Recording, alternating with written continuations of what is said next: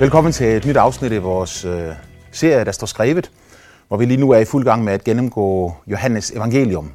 Vi er nået sådan cirka hen i midten af evangeliet til, i kapitel 10, øh, hvor Jesus han ligesom prøver på at beskrive sin egen tjeneste ved et fantastisk billedsprog, hvor han taler om sig selv som den gode hyrde, som døren ind til forfolden, og han taler om de, som, de mennesker, som han elsker, som han rækker ud efter som forerne, som han vil passe på. Det er Johannes, som har skrevet evangeliet, en af Jesu 12 apostle, og han skrev det på sine gamle dage. Og han havde en helt bestemt hensigt med at skrive det. Med stor sandsynlighed så kendte han de tre første evangelier, Markus, Lukas og Matthæus evangeliet, og vidste, hvad de havde skrevet. Men han satte sig for at skrive endnu et evangelium, male endnu et portræt af Jesus. Øh, så han kunne beskrive, hvem Jesus var. Og han siger i slutningen af sit evangelium, at øh, øh, disse er nedskrevet, for at I skal tro, at Jesus er Kristus, Guds søn, og for at I, når I tror, skal have livet i hans navn. Så Johannes han siger, at Jesus gjorde mange andre tegn, som ikke er nedskrevet i denne bog, men disse er nedskrevet, siger han, for at I skal tro, at han er Kristus, Guds søn, og for at I, når I tror, skal have livet i hans navn. Når Johannes han udtrykker sig på denne måde her, så øh, vælger han, udvælger han helt bestemte mirakler, som Jesus han udførte. Han gengiver en del personlige samtaler, som Jesus havde, både med enkeltpersoner og taler, han holdt til store menneskeskare, som vi ikke får gengivet i de andre evangelier. Øh, han går ligesom ind under huden på Jesus og prøver på at vise os øh, intimiteten, øh, kærligheden, kendskabet til Jesus, nærheden, som han selv oplevede med Jesus. Øh, Jesus elsker jo selv sagt alle mennesker, men øh, om Johannes står der, at han var den disciple, Jesus elskede. Som om Jesus elskede Johannes mere end de andre disciple. Øh, det afviser, vi, afviser jeg, fordi at Jesus, Gud, elsker ikke nogen mere end andre.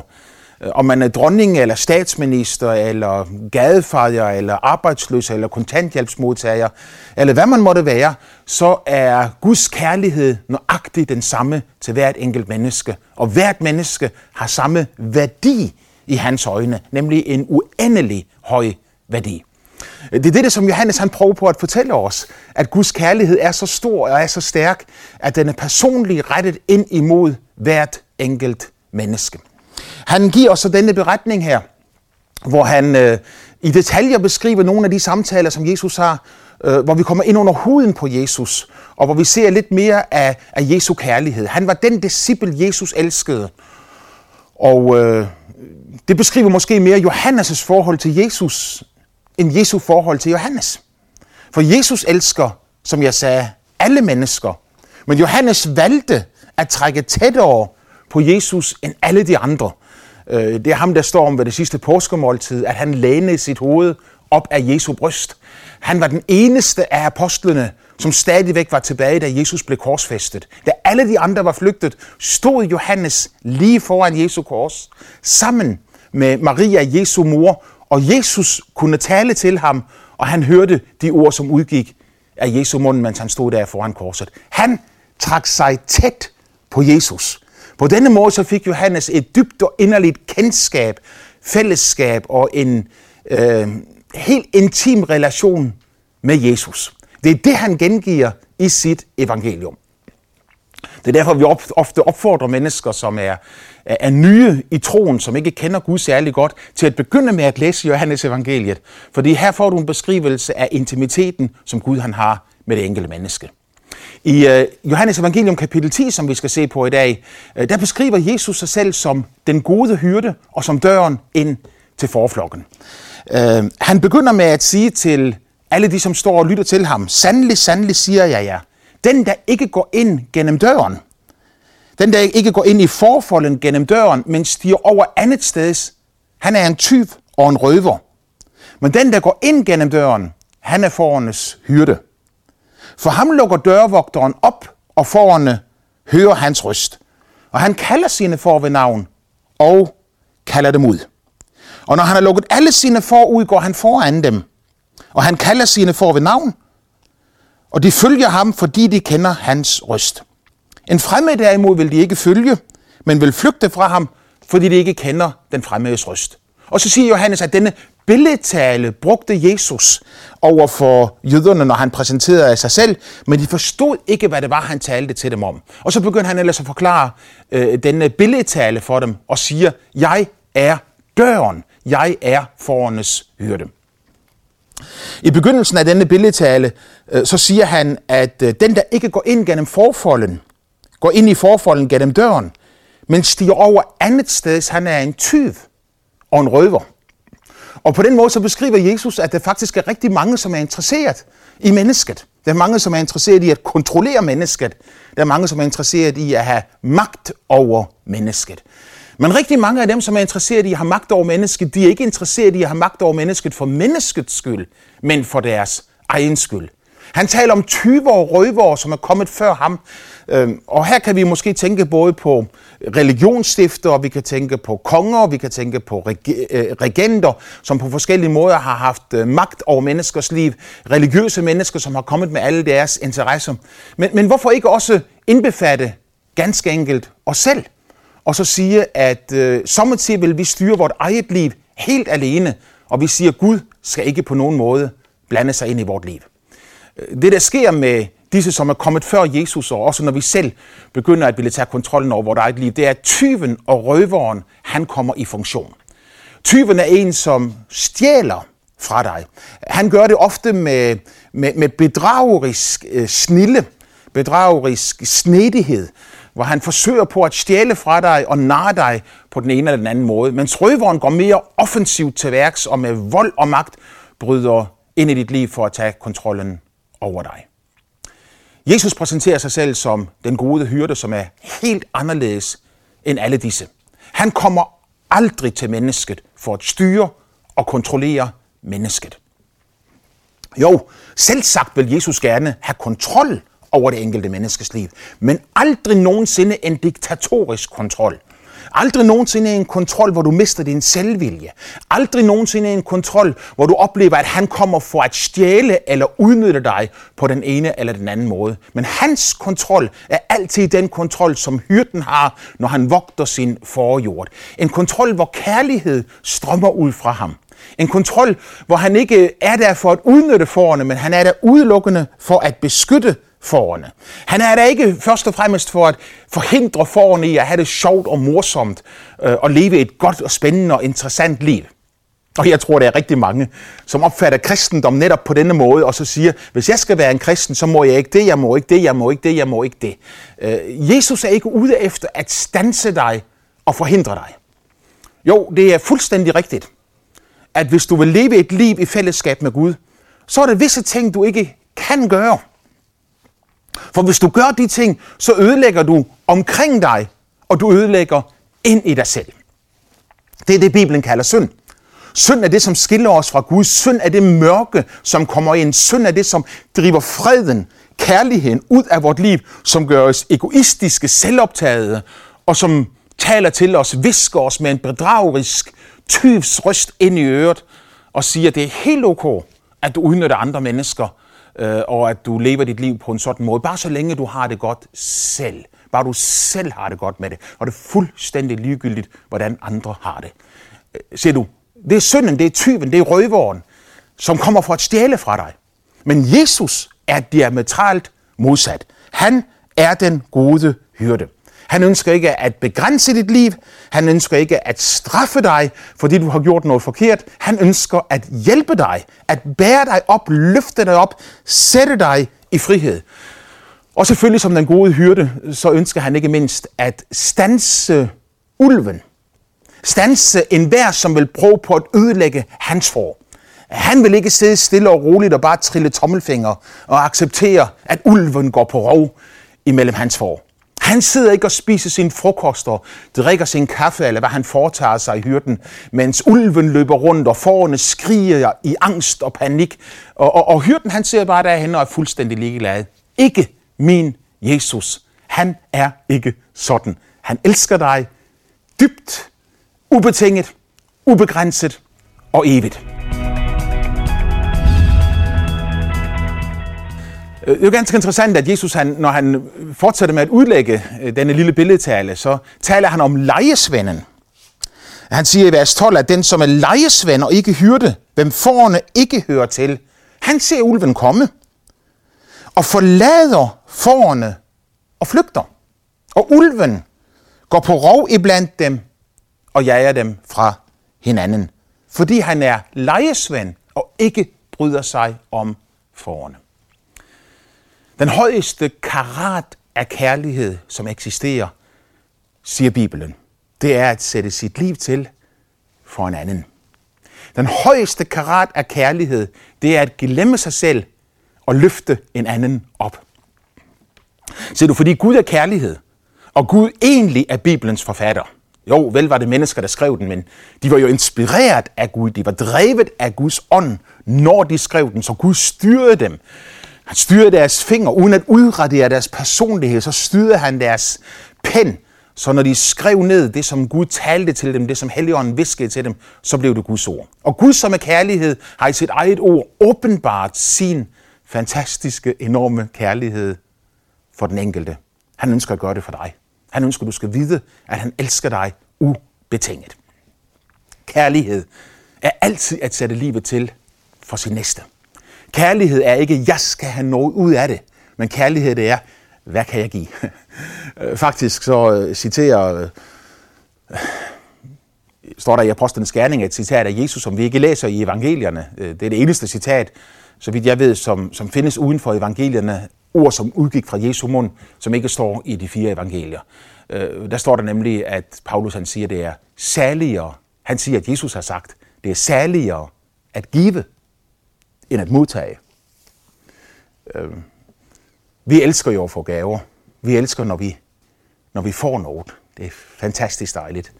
Men jeg må jo indrømme, nu når jeg er blevet bedstefar, og har ikke mindre end otte børnebørn forløbig. Der skal nok komme flere. Men forløbig otte børnebørn. Og en af mine børnebørn, den ældste, han bliver otte år i dag. Jeg kan næsten ikke vente til det øjeblik, hvor jeg kan få lov til at give ham noget. Se glæden i hans øjne. Og det er en større glæde for mig at give, end at modtage. Sådan har far i himlen det. Han elsker at få lov til at give til mennesker. Lejesvenden derimod, tyven, røveren, han elsker at tage. Han er der for sin egen skyld. Han behandler mennesker, arbejder med mennesker, men kun for at drage nytte af dem, så han selv kan blive puffet op og blive løftet op på højere grund. Jesus han siger, at lejesvenden flygter, når han ser ulven komme. Men Jesus er det anderledes. Han flygter ikke, når ulven kommer. Tværtimod, han er parat til at stille sig selv mellem ulven og dig. Så når noget ondt angriber dig, når mørke kommer til dig, når sygdom kommer ind over dit liv, når smerte og elendighed og livets uheldige omstændigheder begynder at ramme dig, så står Jesus ikke ved siden af at trille tommelfinger og er fuldstændig ligeglad. Men han er parat til enhver tid til at stille sig ind imellem dig og ulven. Alle de ting, som måtte komme imod dig. Svært at tro, siger du, når det sker så meget ondt i verden. Ja, men der er jo så mange mennesker, som ikke vil have Jesus som deres gode hyrde. Og han tvinger sig selvfølgelig ikke på og siger, hvis, hvis et menneske ønsker at gå sin egen vej, passe sine egne ting og, og, og, og leve selv uden Gud og uden håb i verden og uden at have nogen relation til Jesus i det hele taget, så er Jesus nemlig så god, at han kunne ikke drømme om at tvinge dig til at komme til sig. Han står med udbredte arme, og han siger, kom til mig, alle I, som er trætte og tyngede af byrder. Og så siger han ikke, og hvis I så kommer til mig, så skal jeg nok klappe jer på hovedet, og så, så siger jeg, at I skal nok komme igennem det her. Nej, han siger, så vil jeg hjælpe dig. Så skal jeg give dig hvile, siger han. Han vil gøre et mirakel ind i dit liv. Netop fordi han er den gode hyrde. Og han beviste det klart og tydeligt ved, at han satte sit eget liv til for forne. Den gode hyrde, siger han, så han springer ind foran forerne, beskytter dem mod ulven, og han gør det helt ind til den sidste grænse. Også der, hvor det koster ham hans eget liv. Jesus siger ikke bare, at han er den gode hyrde, men han siger også, at han er døren ind til forfolden. Det kan være lyde mærkeligt, at han både taler om sig selv som den gode hyrde og som, og som døren, men i virkeligheden er det ikke så underligt. Fordi øh, forfolden var jo det sted, hvor som hyrden havde bygget for, at forerne om natten, når de havde været ude på græs hele dagen, så kunne de komme ind i foren, forfolden, og der være beskyttet mod alle onde angreb.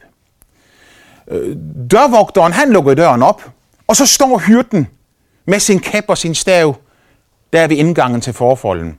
Og så tæller han forerne, mens de går ind det ene efter det andet. Ja, han ikke bare tæller dem, men han betragter hvert eneste får. Han ser dem ikke som en stor mængde. Han ser dem som enkelt individer. Han ser, om det er et får, der er tørstigt. Han ser, om det er et får, der er sultent. Han ser efter, om der er et får, der er sort på den ene eller den anden måde. Og hvis det er sort, så kommer han helbredende olie, helbredende salve ned over sårene, ned over forerne, sårene på forerne, før han lukker dem ind i forfolden. Når så de sidste får er kommet ind, så lægger hyrden sig ned der ved indgangen til forfolden. Så han på en måde bliver døren. Han lægger sig i døren. Så når det sidste får er kommet ind, så er hyrden blevet vogteren, og ingen kan længere komme ind for at genere forne. Hvis du gerne vil forstå og vide, hvor stor Guds kærlighed er til dig, så er det netop for din skyld, at Jesus han taler dette billedsprog. I øh, Lukas evangelium, det 15. kapitel, øh, der taler han også om den gode hyrde. Men der taler han om hyrden, der er ude på marken og vogter foran, og han siger, at han har 100 får. Og så er, virker det til, at om aftenen, når, når, når, når for, for, alle forerne går ind i forfolden, så, så mangler der et. Og, og et får er borte. Og Jesus han siger, hyrden han lægger sig ikke ned og sover, men han lukker døren ind til forfolden, og så går han ud af sted for at finde det ene får, som er fartvild. Der er nogen, der siger, at får er de dummeste dyr, der findes. Jeg ved ikke, om det er en skrøne, eller om det bare er sådan noget, man siger. Jeg ved ikke, hvordan man måler dyrs intelligens heller. De siger, at får er de dummeste dyr, der findes, for de bare går og bræger og følger efter den, som nu går foran dem. Øh, jeg kan næsten forestille mig, hvordan det var den dag, da det ene får forsvandt fra forflokken. Det gik og græsset, græsset var grønt, og, og, og det løftede ikke hovedet, for det var så optaget med den mad, det græs, som det spiste. Og så så det bare lige to meter længere hen, der var der noget, græs, der var, noget, noget græs, der var lidt grønnere. Så foråret gik langsomt videre og spiste af det græs, og så var der noget græs, der var lidt grønnere et par meter længere hen, og så gik det videre og videre og videre, og uden at vide det, pludselig så løfter foråret hovedet, ser sig omkring, hvor er alle de andre får, og nu er foråret fart vildt. Jeg tror rigtig mange mennesker, de har gjort en lignende oplevelse. At de har levet deres liv, uden egentlig at tænke så meget over den dybere mening med tilværelsen. Hvor kommer jeg fra? Hvor er jeg på vej hen? Og hvorfor er jeg her? De lever bare den ene dag efter den anden. Og pludselig en dag, så vågner de op og ser sig omkring. Og så er der kun forvirring af alt sammen. De aner ikke, hvor de er henne. Far vil, ganske enkelt på grund af ubetænksomhed. Far vil, ganske enkelt, fordi man aldrig nogensinde har givet Gud en chance for at gribe ind i livet. Jesus diskvalificerer ikke den slags mennesker og siger, du får ikke lov at komme til mig. Tværtimod, så siger han, nu går hyrden ud konkret, bevidst, målrettet for at finde det ene for, som er forsvundet. Han efterlader de 99, for dem har han jo bragt ind i forfolden. De er allerede i sikkerhed. De er allerede i tryghed. Og nu siger han, der er en derude, som har brug for mig. Og det ene menneske går Jesus ud og leder efter. Det er en fantastisk ting, når Gud finder mennesker. Sommertid så taler vi om, at mennesker finder Gud, øhm, men Gud har aldrig været borte. Jeg fandt Jesus, har jeg hørt nogle kristne sige. Men øh, Jesus har aldrig været borte. Han har været der hele tiden. Sandheden er nok meget snarere, at det er ham, der finder os. Han rækker ud imod det enkelte menneske. Han rækker ud imod dig, som ser dette program lige nu i dette øjeblik. Og han ønsker så inderligt at få lov til at erklære sin kærlighed til dig. Han har aldrig stået med armen over kors, når du havde de vanskelige perioder i dit liv. Han har aldrig stået der og tænkt ved sig selv, at jeg, behøver ikke, jeg vil ikke gøre noget, jeg vil ikke gribe ind i situationen. Men han har ventet på, at du har vendt dit hoved rundt for at svare på det kald, der kommer, når han råber på dig. Jeg ved, det er sådan. Jeg ved, Gud er sådan. Fordi hvad Bibelen viser os, det er jo et billede af Guds karakter, Guds hjerte, Guds attitude. I det allerførste i den allerførste bog i Bibelen, i et af de allerførste kapitler, det tredje kapitel, der læser vi om syndefaldet og hvordan mennesket forsvandt bort fra Gud. Hvordan mennesket kom ud i mørke, fordi det ikke alle Guds røst og valgte at gå sin egen vej.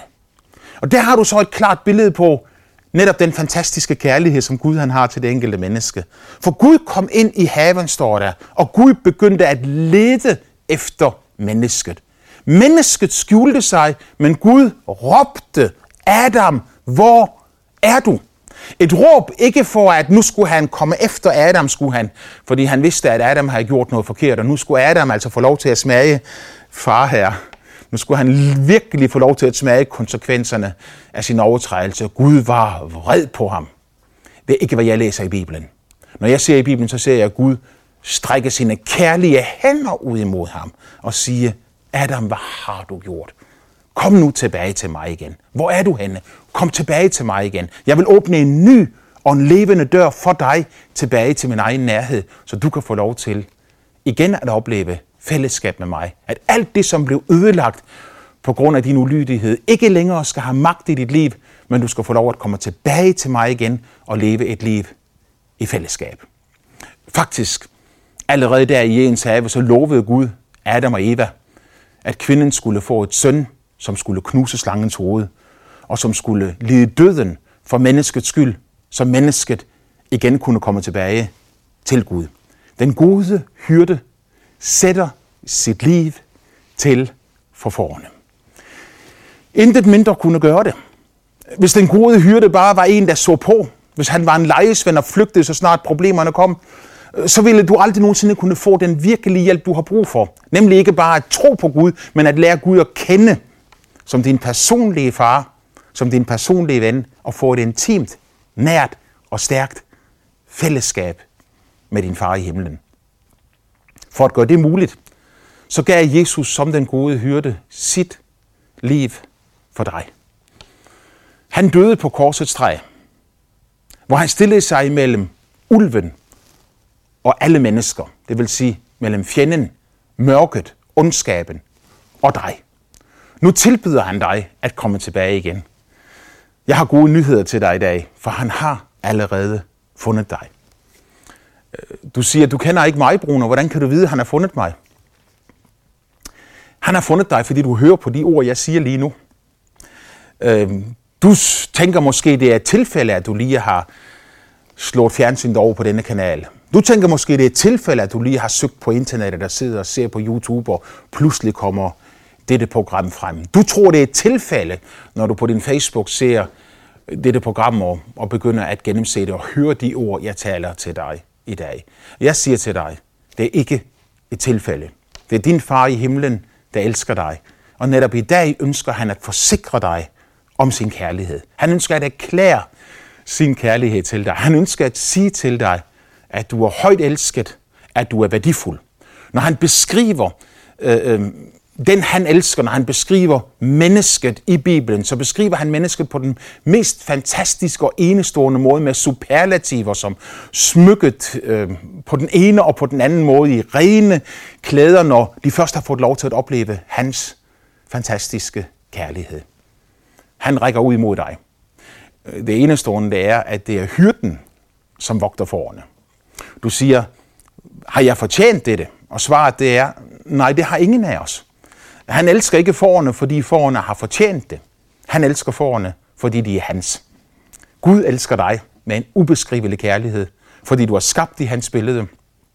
Og han inviterer dig til at komme tilbage til sig selv igen og lære ham at kende og få et fællesskab, kendskab til ham. Jesus siger, mine får hør min røst. At leve livet med ham, det er ikke bare at leve i blind tro, men det er at have en levende relation til en levende Gud gennem Jesus Kristus, og gennem Guds ånd, som er givet til os. Jeg ønsker for dig, at du må få lov til at opleve dette, hvis du ikke allerede har det, og hvis du allerede har oplevet det, at du så må blive bekræftet i, at Gud elsker dig ubetinget.